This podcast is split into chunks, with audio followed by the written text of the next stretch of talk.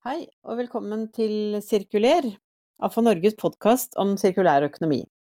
Mitt navn er Nancy Strand, og gjester i dag er Eirik Lindeberg fra WWF og Jakob Rognhaug fra Tomra. Og vi skal snakke om FNs globale plastavtale. Hjertelig velkommen til dere. Tusen takk.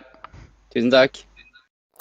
Du, eh, vi må begynne litt eh, med deg, eh, Eirik.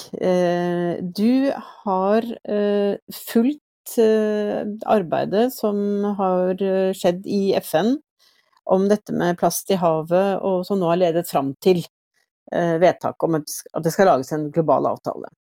Så, men aller først, kan ikke du si litt om, om deg og din bakgrunn, og hva du har jobbet med i WWF?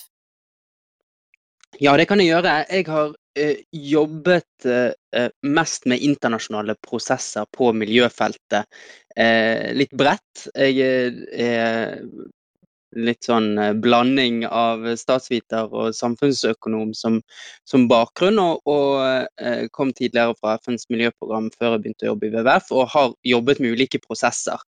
Eh, og så er det som du sier, marin forsøpling startet med plastforsøpling. Eh, generelt ble det etter hvert.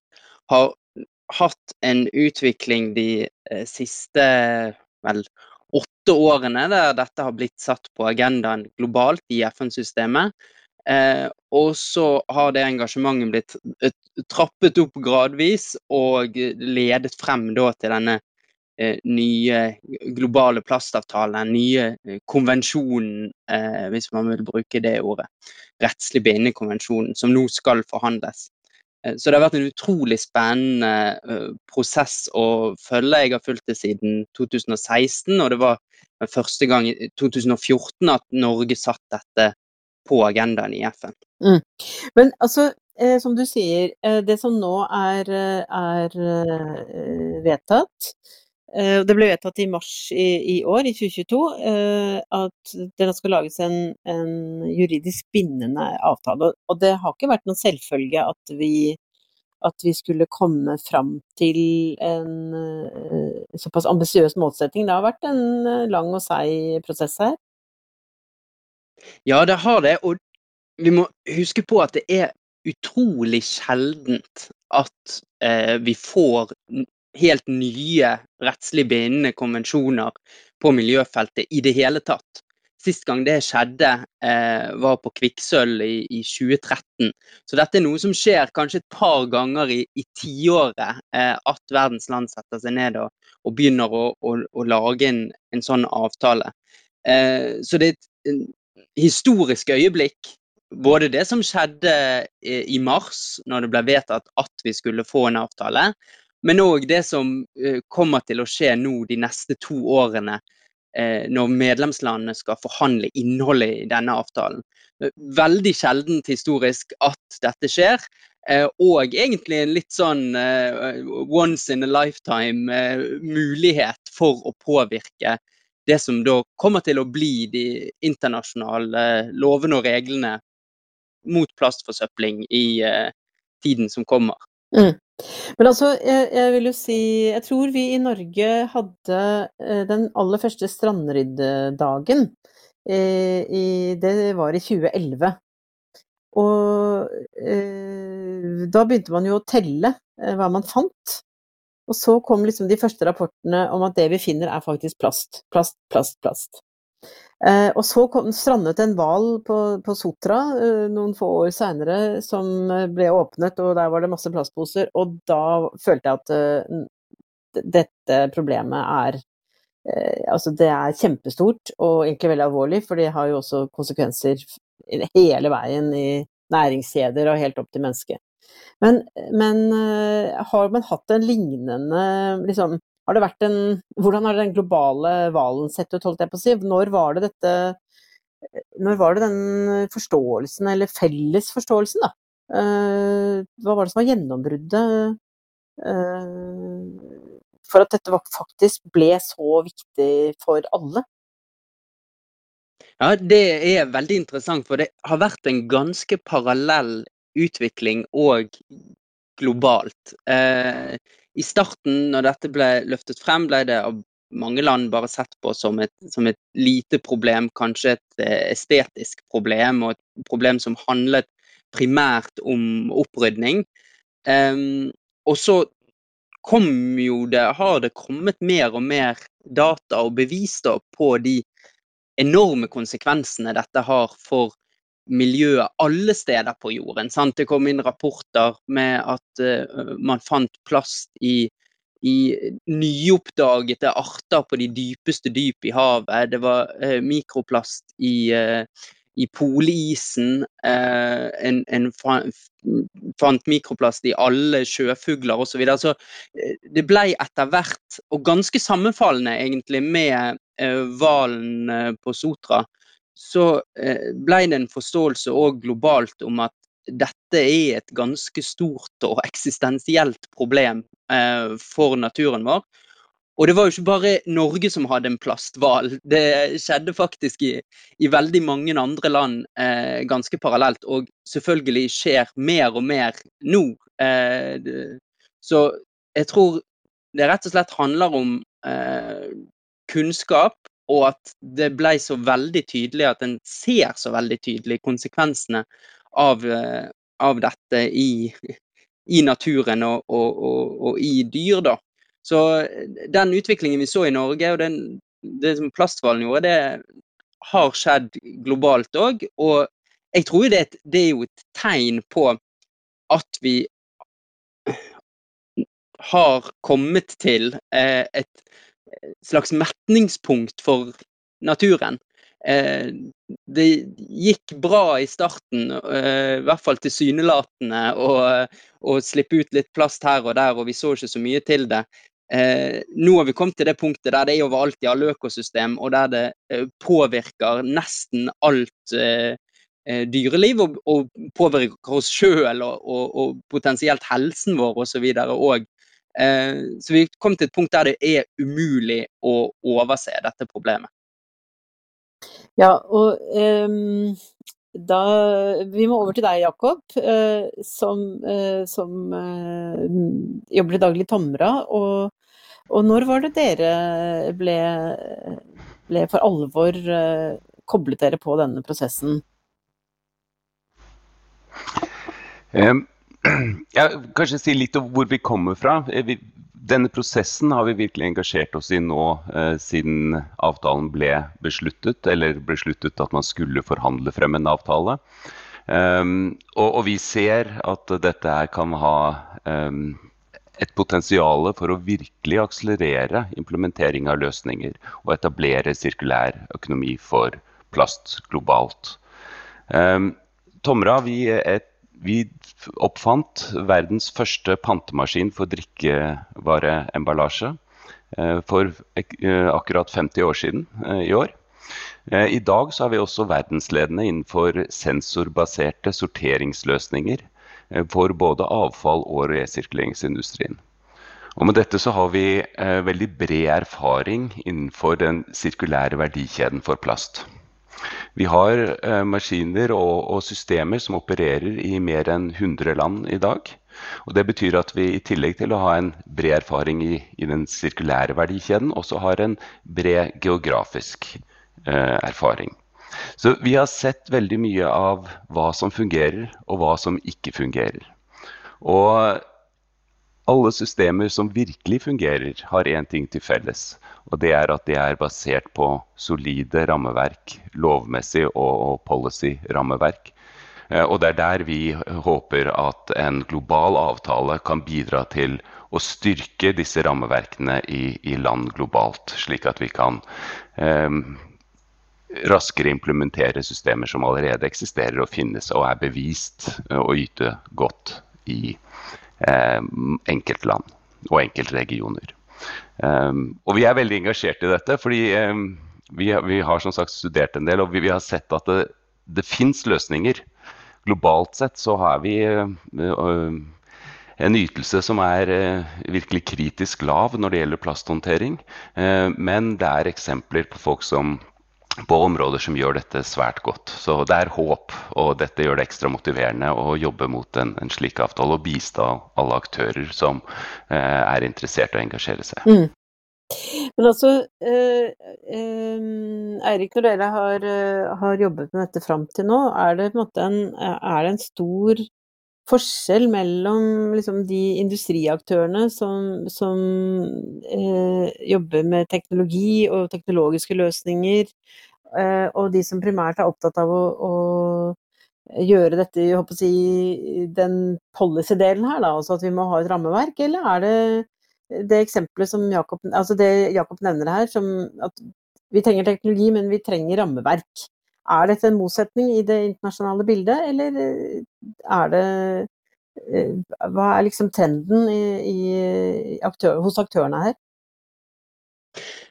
Jeg tror eh, flere og flere eh, næringslivsaktører har innsett det som jeg tror eh, Tomra eh, har innsett for veldig lenge siden, og som Jakob eh, nevner, at det er Eh, veldig vanskelig å eh, både tjene penger på og få sirkulære systemer til å virke så lenge en konkurrerer mot eh, ekstremt eh, billig jomfruelig materiale og gratis dumping av restproduktet i naturen. Eh, så her må det lover og regler til for, for å skape Eh, skape den økonomien som eh, ny teknologi og nye løsninger eh, vil kunne trives og utvikles i. det syns jeg at vi ser fra egentlig et ganske stort spekter av aktører. Fra de som eh, selger produkter som er innpakket i plast, og, og Eh, gjerne blir rammet av mye dårlig publisitet når det er deres produkter som blir, eh, eh, som blir avbildet og, og avslørt som, som forurensning. Og de aktørene som jobber i andre enden og skal samle inn dette og skal prøve å skape en verdi av det som har blitt til avfall. Og så er det selvfølgelig òg noen aktører som eh, har en økonomisk interesse i å fortsette sånn som det alltid har vært. Og jeg tror det er det store skillet her. At eh, de som produserer eh, jomfruelig materiale, og kanskje enda tidligere de som produserer innsatsfaktorene og, eh, og oljeprodusentene i, i, enkelte store land, har, ser nok på dette som en eh, kanskje en trussel mot eh, status quo. Det er jo sånn når man må gjøre en endring. Og vi ser jo Her må vi gjøre en stor endring, og da er det noen som vil tape og noen som vil vinne. Eh, de som er veldig tidlig og produserer eh, eh, jomfruelig plast, eh, frykter kanskje at de har noe å tape. De, som, eh, de aktørene som jobber med sirkulære løsninger, har nok mest sannsynlig alt å vinne på dette. Eh, og det, den skillelinjen ser vi, ser vi mer og mer egentlig i denne prosessen. Mm. Men eh, altså, plast er jo et fantastisk materiale. Det er det veldig mange som eh, bruker ofte anledning til å påpeke. Eh, og både altså, produksjonen og, bruk av plast har jo økt vanvittig mye. Mm, og egentlig så viser vel kurvene at den Hvis denne utviklingen fortsetter, så vil jo dette bare fortsette å øke. Så, så øh, hva slags øh, Hva kan man liksom hva, hva, er ambisjonene i hva man skal klare å oppnå gjennom denne avtalen uh, i et sånt bilde? For det første så er det jo litt viktig å, å presisere at avtalen i seg selv vil ikke nødvendigvis uh, løse alt. Uh, det, her er det jo nødvendig med både lover og regler globalt, men ikke minst òg Eh, nasjonalt og handlinger på lokalt nivå. Eh, men det som er inngangen for denne avtalen, og som var òg tydelig nevnt i da, denne resolusjonen som ble vedtatt i mars, det er at man skal løse stanse plastforsøpling og se på hele verdikjeden. så det betyr at man kan se på må se på reduksjon av produksjon og forbruk av plastprodukter. og vi må se på rammeverk for å få samlet inn og for å få gjenbrukt eller resirkulert det som Eh, det som vi bruker. Så reduksjon er en viktig, viktig del her, og reduksjon av avfallsmengden eh, i seg selv. Og sant, til syvende og sist vil vi jo komme til et punkt der det ikke finnes avfall, for der, vi, der, den sirkulære økonomien gjør at vi bruker igjen det vi bruker. Men da er nok reduksjon òg en viktig del av det. Og eh, det som blir diskutert nå, er jo bl.a. er det spesielle produktkategorier, eh, type plastmaterialer, eh, tilsetningsstoffer som vi ikke ønsker å ha på markedet i det hele tatt. Og da har jo denne type avtaler tidligere vist seg å være veldig effektive for å fase ut spesielt problematiske eh, produkter. Som f.eks. vi hadde eh, Montreal-protokollen som faset ut KFK-gassene, og dermed løste det det problemet på et globalt nivå. Så Der ligger det nok en ganske stor mulighet i denne avtalen, i tillegg til eh, de tiltakene som kan settes inn mer nedstrøms, som enten det er eh, krav til eh, design for eh, gjenbruk og resirkulering, krav til bruk av resirkulert materiale, krav til Eh, innsamling og kvalitet på avfallshåndteringssystemene. Så det ligger ganske mange muligheter her for å eh, løse dette problemet gjennom å se på hele verdikjeden. Mm. Men kan man eh, tenke at, at vi kan få inn i denne avtalen f.eks. at alle land skal ha et system for håndtering av avfall? Ja, det er fullt mulig. Altså, det er jo litt sånn eh, Alt er mulig. Eh, for det er medlemslandene som, som uh, møtes og bestemmer seg for dette. Så blir det jo veldig tøffe forhandlinger. Det er ganske mange land som ikke ønsker at det skal skje for mye. Eh, så det er viktig at de landene med, med høye ambisjoner uh, virkelig tør å gå foran og, og, tør å stå i noen uenigheter.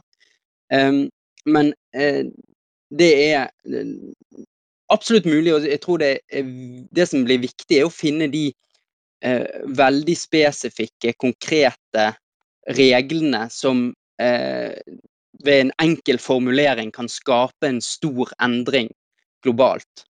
Um, og så er det òg en, en, sånn diskusjon om hvilken type avtale skal vi ha. Det vi diskuterer nå, er jo en, eh, en avtale som er ganske spesifikk, og som faktisk gjør noe. Eh, mens en del land vil, også, vil, kanskje heller ha en avtale som bare sier hvor vi skal, og så vil det opp til alle, alle enkeltland å finne ut hvordan vi kommer dit. Eh, litt sånn som eh, kanskje Parisavtalen ble på, på, på klimaområdet. Eh, der tror jeg det er viktig at vi får en avtale som faktisk gjør noe. At vi ser da til eksempler som Montreal-protokollen, Basel-konvensjonen, eh, Stockholm-konvensjonen, som er avtaler med med ganske spesifikke eh, regler som alle medlemslandene må følge. Mm. Og dette har dere sluttet den, den, tankegangen her om at uh, vi, vi, må ha en mest mulig konkret avtale med konkret, mest mulig konkrete og bindende felles regler, det har dere støttet, Jakob? Jakob? absolutt. Um, Altså, litt tilbake til det, um, ditt forrige spørsmål også, med hvor, hva som kreves for å få på plass en løsning her. Så har det i løpet av de siste årene i, i den hele sirkulære verdikjeden vært diskutert en rekke tiltak. Og jeg tror det er ganske unison forståelse av at det, det er ikke én eh, aktør, én rolle, som, som, vil løse dette. Man trenger bidrag fra, eh, fra alle. Eh, en av de tingene vi ser som er litt, litt, frustrerende, det er jo mye vilje, interesse og ressurser som legges ned i dette her. Men du kan tenke deg når en hel eh, verdikjede av aktører skal eh, starte å bidra.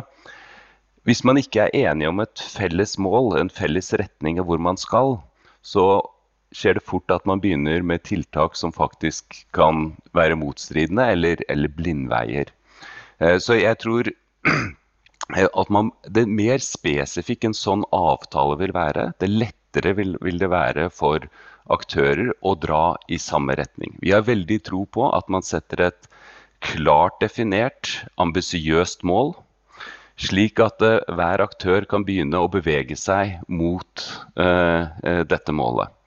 Jeg kan ta et, et lite eksempel, for eksempel, men hvis du i dag f.eks. vurderer å erstatte din plastforpakning med et alternativt materiale, så er en typisk tilnærming til det å se på en LCA-analyse. Altså du ser på om det alternativet er mer bærekraftig, bedre for miljøet eh, enn eh, det du har i dag. Men når du da skal ha den referansen med dagens system, så har du et problem. Fordi hver kommune, hver region har veldig stor forskjellig ytelse på hvor, eh, hvordan avfallet og plasten eh, håndteres.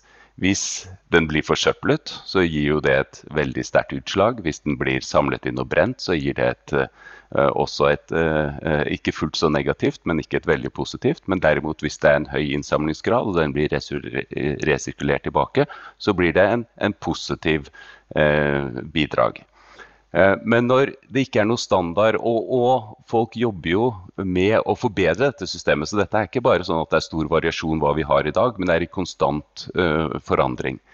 Hvis vi hadde blitt enige om hvor vi skulle på innsamling av avfallssiden og resirkuleringssiden, så kunne man lagt det til grunn for sine uh, LCA-analyser, uh, og dermed gjort en, en god vurdering av om det er best å beholde plasten i det Eh, fremtidige systemet som man har i dag, eller erstatte det med et annet materiale. Um, så jeg har veldig tro på en spesifikk, entydig, um, så entydig som mulig definisjon og et ambisiøst mål som, som, alle aktører kan begynne å bevege seg mot. Hvis vi får på plass det i denne avtalen, uh, så vil det kunne uh, være sterk bidragyter til å se mer implementering av gode løsninger. Mm. Eh, hva er det aller viktigste dere har eh, øverst på deres agenda, Eirik? Nå i den innledende fasen. Vi skal jo si at uh, målet nå er å komme fram til et avtaledokument innen utgangen av 2024. Uh, altså drøy, litt over to år. Ikke mye tid i denne sammenhengen her. Så vi er i innledende fase nå på, på en måte, avtaleforhandlingene. Men hva står øverst på deres liste nå? Det som blir veldig viktig nå på dette første møtet, det er jo nettopp å få frem det eh, perspektivet som jeg og Jakob har snakket om her. Eh, at man legger opp en prosess der man kan bli enige om eh, spesifikke lover og regler på globalt nivå. At avtalen virkelig tar det steget og, og faktisk bestemmer og, og, og, skaper endring, og, skaper den og internasjonale plattformen som dette da vil bli i, i fremtiden for å, for å videreutvikle og utvide de, de lovene og reglene. Eh, det blir viktig nå i starten. og så nå, nå kommer første møte i Uruguay i slutten av eh, november. Så frem mot eh, det neste det er planlagt to møter i året, så det vil bli ett møte på våren og ett møte på høsten de, de to kommende årene. Eh, og da vil en jo gradvis komme mer og mer inn i de spesifikke bestemmelsene. Eh, og da er det jo viktig at en eh, lytter til alle aktørene eh, som jobber relatert med dette, og bruker den kunnskapen for å finne frem til akkurat de spesifikke formuleringene som vil, vil skape det, den største endringen. Så Det er den store man kan nesten si litt sånn eh, ideologiske debatten som eh, ligger til grunn nå rett før starten på forhandlingene. Det er rett og slett hvor mye skal denne avtalen gjøre i seg sjøl, eller skal han være basert i stor grad på, på frivillighet.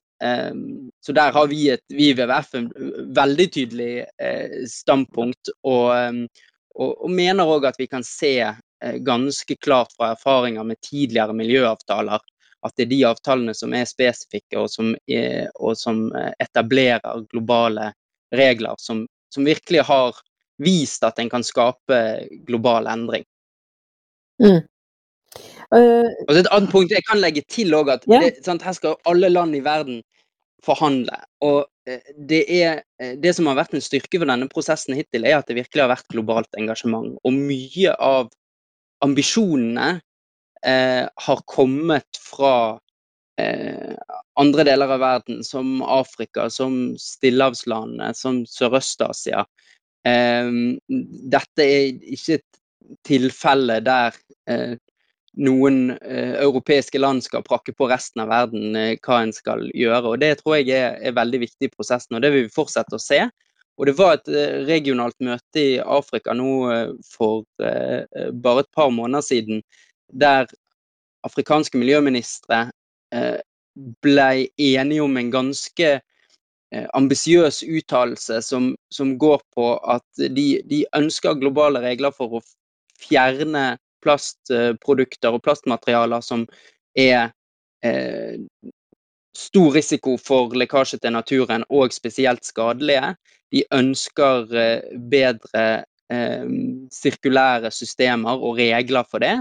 Eh, og de ønsker eh, da ikke minst at dette blir fulgt opp med en, en sterk finansieringsmekanisme, og at rike land bidrar inn til finansieringen av implementeringen av disse reglene Eh, i utviklingsland. Og jeg tenker Det er et ganske eh, godt og tydelig signal veldig tidlig i prosessen òg fra afrikanske land. Og vi har sett litt av det samme fra en del latinamerikanske land um, og, og, i Sørøst-Asia. Så det blir, en, eh, det blir veldig spennende forhandlinger. Og eh, Norge har jo tatt på seg en, en lederrolle i dette. Og det blir da spennende å se om hvor hvor tøft norske myndigheter eh, står på kravene når det begynner å spisse seg til eh, i løpet av de neste to årene. Mm. Så eh, Avfall Norge er jo også med i ISVA, den internasjonale avfallsorganisasjonen. Og, og, vi har jo på en måte nærmet oss dette litt på den samme måten. Altså vi må hindre de, både de stoffene som virkelig også skader eh, for resirkuleringen, og, og bidra med som er unødvendige miljøgifter som ikke skal spres, men også mer sirkulære løsninger, og så finne gode finansieringsmekanismer. Da, så vi er i hvert fall på et, et, et rammeverk her som, som, vi kan enes om. Men Jakob, dere har jo også gjort en egen studie rundt uh, hva, hva, dere mener er et optimalt avfallssystem, da. Eh, kan du nevne noen av de punktene som dere har eh, kommet fram til der? Ja, det gjør jeg gjerne. Så eh, vi, som sagt, vi har sett at det er systemer som faktisk er ganske effektive der ute. Og vi engasjerte Aunomia, som er et, et konsulentselskap som bl.a. har jobbet mye for EU-kommisjonen, i å hjelpe oss i å kartlegge hva er dagens beste systemer. Eh, høyest resirkuleringsgrad. Eh, og så eh, brukte vi karbonutslipp og kostnader som hoved si, benchmark for å identifisere hva som var best. Og, og, de har kommet frem til at de som i dag gjør det best, de tar i bruk tre elementer. Så de har pantesystem for drikkevareemballasje. De har et optimalisert kildesorteringssystem, hvor det da er eh, særlig viktig å få ut organisk fra restavfallet, tekstil som separat fraksjon, glass som separat fraksjon, eh, elektronikk som separat fraksjon og papir som separat fraksjon. Det er de fraksjonene de så var nødvendig. Eh, de, eh, kanskje litt overraskende, så også at det er ikke nødvendigvis at de som gjør det best, har kildesortering av plast. Kildesortering av plast kan bidra et stykke på vei til resirkulering av plast, men ingen av de som gjør det best, har basert seg kun på kildesortering. Alle har også sortering av restavfallet. Um, så om du har kildesortering av plast, hvis du skal hevde deg med de som gjør det best, så må du i tillegg ha uh, sortering av restavfallet. Hvis du skal etablere systemet ditt i dag, så ser vi aktører som bl.a. her i, i, i, Norge, i, i Romerike og hos uh, Ivar i Stavanger, uh, hvor de ikke har separat innsamling av plast, men samler all plasten inn i restavfallet og sorterer det.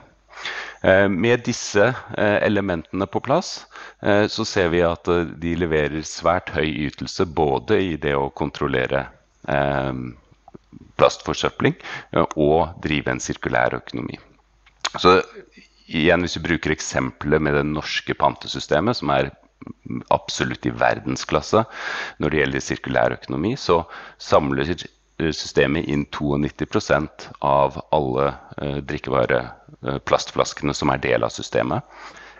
Men det som er virkelig unikt, er at de er nå med et resirkuleringsanlegg på plass i Norge som er i stand til å levere høykvalitets resirkulert råmateriale, så er de i stand til å forsyne den norske industrien, altså på nasjonal basis, med 80% resirkulertbart innhold i, i nye flasker. Og Det betyr med andre ord en en, en, reduksjon av jomfruelig plast og alle konsekvensene av energi og karbonutslipp som er forbundet med det, med 80% Så virkelig en, eh, et stjerneeksempel på sirkulær sirkulærøkonomi i, i, praksis. Det andre er dette med, med restavfall, hvor vi ser i Norge så har eh, i, altså Romerike og, og Stavanger-regionen eh, to til fem ganger mer plast innsamlet for resirkulering enn de regionene som ikke har det. Så et, et dramatisk skift Eh, opp. Så det er mulighet uh, å uh, finne løsninger som fungerer med høy. Men igjen, det, de systemene vi ser her i Norge, er motivert av rammeverk lovmessig og, Um, um, og policy-direktiver uh, som uh, har guidet implementeringen. De er også implementert i et samarbeid mellom private aktører, altså produsentansvarsløsninger, og kommuner, altså den offentlige sektoren. Når disse jobber sammen, så ser vi at dette kan oppnås. Uh, og jeg tror jo også for denne avtalen globalt sett, hvis vi klarer å styrke Eh, kunnskapen rundt og, øke utbredelsen av eh, utvidet produsentansvar, altså EPR-systemer, eh, så er de svært Når de er formulert godt og ikke ikke frivillige løsninger, men med eh, påkrevde løsninger, så har de eh, potensial for å bidra til optimalisering i hele verdikjeden. Fordi det vil motivere reduksjon av, av plast, det vil motivere gjenbruksmodeller, det vil motivere design for resirkulering, og det vil motivere eh, bruk av resirkulert materiale. Så eh, et, eh, et, verktøy som er svært effektivt, og som vi gjerne skulle sett mye mer av eh, i verden, hvis vi ønsker å løse dette problemet. Ja. Altså, eh, jeg vil jo si eh, Vi i Norge, og for så vidt en rekke vestlige land, har jo på en måte hatt den fordelen at vi har utviklet avfallssystemene før bruken av plast tok av og ble en vesentlig del av de materialene vi omgir oss med. Uh, så det er vel ikke til å stikke under, en stol at når man da skal både håndtere de store plastmengdene og bygge opp et avfallssystem samtidig, så er det en krevende situasjon for en rekke land. Så det, jeg noterer meg jo at dette med utvidet produsentansvar og det hele tatt finansieringsmekanismer, som du også var inne på i stad, Erik, er blir jo en viktig del her. Så kan man se for seg at man får en, en slags uh, global, uh, et globalt produsentansvar som nedfelles i, uh, i den avtalen? Er det en mm, sannsynlig ambisjon her, Erik? Det kommer nok litt an på hva man vil legge i et globalt produsentansvar. Jeg tror ikke man vil få en, en ordning, en global ordning eh, på et høyt detaljnivå som administreres globalt. Men jeg tror at det en kan få, er jo eh, krav til eh, produkter og produktkategorier som, eh, som skal ha et, være gjenstand for et nasjonalt produsent ansvar. En kan òg få eh, bestemmelser, retningslinjer for hvordan et godt produsentansvar eh, skal eh, implementeres på, på nasjonalt nivå. Eh, og så i tillegg så vil en få en finansieringsmekanisme i avtalen som kan bli som et globalt fond for utviklingsland som de kan bruke til å implementere politikk nasjonalt. Men mm, Så jeg tror nok mest sannsynlig at det kan være en, en realistisk ambisjon. Man etablerer ikke et globalt produsentansvar nødvendigvis, men man setter en global standard for eh, hva et godt produsentansvar vil si. Ja, jeg kan bare stemme i det. Altså, det er vel ikke to eh, produsentansvar i verden i dag som er like. Um, og vi refererer til det mer som en kunstform enn en, enn en science. Men, men, det er visse prinsipper som er felles mellom de godt fungerende systemene og de som er mindre eh, fungerende. Eh, så hvis man klarer å få på plass eh, en avtale rundt det og fordelt informasjon om hva, hvilke de prinsipper som fungerer, eh, så må det være opp til hvert land og, og hver industri egentlig å Eh, eh, ja, eh, gjøre detaljformulering av det rammeverket. Mm. Men helt til slutt, dere. Altså, hvordan, hvordan det, man, man, For å få etablert en ambisiøs avtale nå, hva, hva, blir det viktigste for, for dere framover i, i, i, å være med i denne, i denne prosessen? Vi begynner med dere, Eirik. Ja, det kan vi gjøre. Det er eh, Jeg tenker For det første er det kjempeviktig at alle aktører som eh, vil noe, som har en interesse i at denne avtalen blir så bra som mulig, engasjerer seg og bidrar inn med sin kunnskap. Vi vil nok prøve å være en tilrettelegger eh, for det. Eh, og så vil vi jobbe ved hvert fall en stor internasjonal miljøorganisasjon, egentlig et, et nettverk av Eh, nasjonale miljøorganisasjoner i, i, mer enn 100 land. Og, vi vil jo jobbe i hele det nettverket for å eh, løfte denne saken på nasjonalt nivå overfor myndighetene, som så skal eh, reise til disse forhandlingsmøtene. Og, og bygge våre anbefalinger på erfaringene i alle disse, alle disse landene. Og så tror jeg det som blir veldig viktig, er å skape en stor bevegelse på tvers av myndigheter, sivilsamfunnsorganisasjoner som oss, eh, næringslivsaktører, bransjeorganisasjoner osv. Som, som vil noe med, det, med denne avtalen, og at en bygger en sterk koalisjon. En må tenke at vi klarer ikke å få alle land i verden med oss fra dag én, men det har vist seg tidligere i sånne prosesser at hvis en eh, starter med å samle alle som er interessert i, eh, i en ambisiøs eh, avtale, og, og, bygger gradvis eh, opp den koalisjonen, sørger for at en etter hvert får flertall i forhandlingsrommet, at en får med seg alle regioner, at en får med seg alle relevante eksperter eh, som kan bidra inn i dette, så tror jeg det er mulig å få til en avtale som, eh, som mange nok land i verden er med på, til at den vil skape en varig global endring. Mm, ja. Hva, hva, tenker dere nå om veien videre for deres del, Jakob? Ja, Vi er jo fullt ut innstilt på å dele vår erfaring med alle som er interessert i å, å delta i denne prosessen. Um, dette har høy oppmerksomhet hos oss, og vår CEO Tove Andersen er også personlig svært engasjert i dette. Um, men som sagt, som en, en, litt av det Eirik var inne på, altså som en, en privat aktør, som en industriaktør alene, så er det jo begrenset hva man kan bidra med. Så det er også å delta inn i, i fora eh, og organisasjoner eh, med likesinnede, slik at vi kan ha en felles og sterk stemme. Og av de, en av de kanalene vi har brukt mye tid på per i dag, det er eh, en businesskoalisjon som er fasilitert av WWF og Ellen MacArthur Foundation.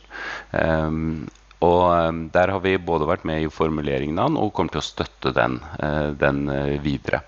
Um, I tillegg til flere andre kanaler som, som vi har. Men absolutt alle som er interessert i dette, ta gjerne kontakt. så går vi sammen, og så Eh, F.eks. I, i denne businesskoalisjonen som, eh, som WWF og Ellen MacArthur har, eh, kan vi finne felles grunn og diskutere oss frem til sterke, slagkraftige synspunkt og råd for en effektiv avtale. Vi kommer også til å ha en delegasjon i, under forhandlingene, de første forhandlingene nå i Uruguay, og, og ser veldig frem til det. Du, det ble veldig spennende, og tusen takk til dere begge for, eh, for en veldig fin eh, samtale og veldig informativt. Eh, takk for alt dere har delt. Takk skal du ha. Takk for muligheten til å være her. Tusen takk. Da gjenstår det bare for meg å si tusen takk til vår produsent Håkon Bratland, og takk til alle dere som har hørt på i dag. Vi høres snart igjen. Ha det bra!